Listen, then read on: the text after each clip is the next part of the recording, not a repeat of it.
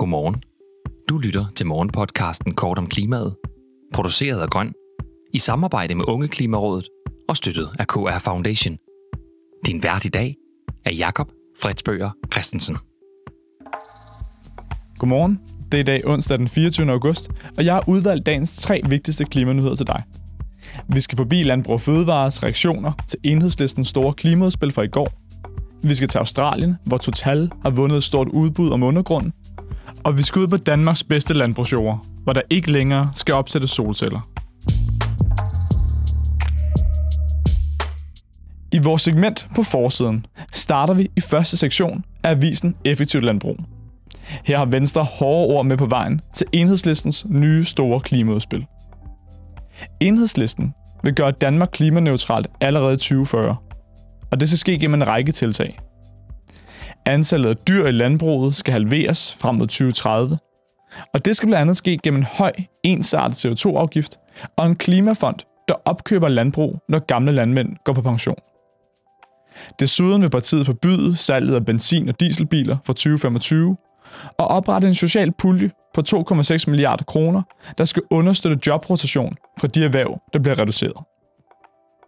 Venstres landbrugsordfører Erling Bonnesen udtaler til Effektivt Landbrug, at han mener, en halvering af antallet af dyr i det danske landbrug er skadeligt, da der vil forsvinde aktiviteter for landdistrikterne, og da han mener, at svinekødet og mejeriprodukterne vil blive produceret i et andet land i stedet med et højere CO2-aftryk.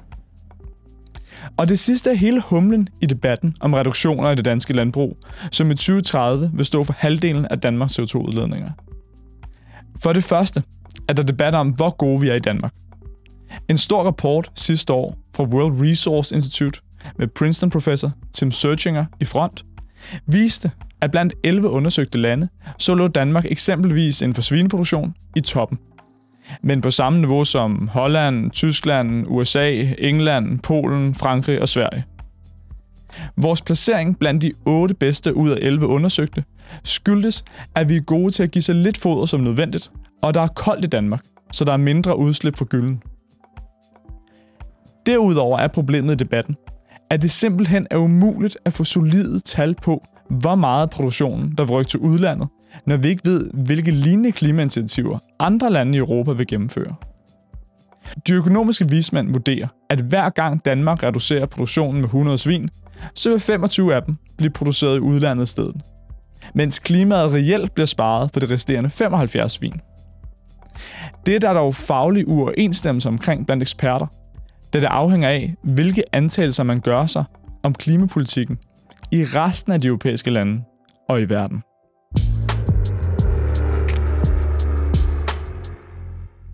I international nyt rykker det stærkt i Australien på CO2-fangst. Energiwatch skriver, at Total netop har vundet et udbud om en lagertilladelse uden for Australiens kyst, hvor der ifølge et af Australiens geologiske institutter er enormt gode muligheder for lagring af CO2. Feltet er 27.500 kvadratkilometer, så altså på størrelse med Jylland. Og i kvalitet sammenlignes det med Sleipner-feltet i Norge, hvor der er blevet lavet CO2 siden 1996. Total vil fortsætte til naturgas og vil benytte CO2-lagring i området for at nedsætte gassens samlede CO2-udledninger. Herhjemme i Danmark har Energistyrelsen netop i sidste uge taget hul på den første runde for CO2-lagringslicenser i Nordsøen.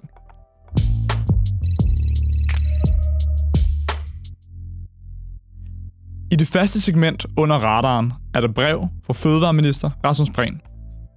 Modtageren er Folketingets Miljø- og Fødevareudvalg, og budskabet er, at ministeriet er begyndt på at skrive nye bekendtgørelser om rammerne for, hvor der må opsætte solcelleparker i det åbne land. Svaret til Folketinget kommer efter en række enkeltsager har vist, hvordan nogle af de bedste landbrugsjord i Danmark er blevet brugt til at opsætte solcelleparker, i stedet for at være reserveret til landbrugsproduktion. Det bliver i kommunalplanerne, at der skal indskrives retningslinjer for udpegningen og sikringen af særligt værdifulde landbrugsjord. Vi slutter som altid af med dagens solstrålehistorie. Og i dag skal man vist primært være glad, hvis man er nordmand eller nordkvinde. Banken Nordea har nemlig skrevet et nyt notat, hvor de vurderer, at Norge kommer til at tjene 1.400 milliarder danske kroner næste år, og 3.700 milliarder kroner året efter, hvis de nuværende olie- og gaspriser fortsat ligger uhørt højt på grund af krigen i Ukraine. Man skal som sagt nok bo i Norge for at kunne se det positive i den nyhed. Du lyttede til Kort om Klimaet. Vi er her igen i morgen kl. 8.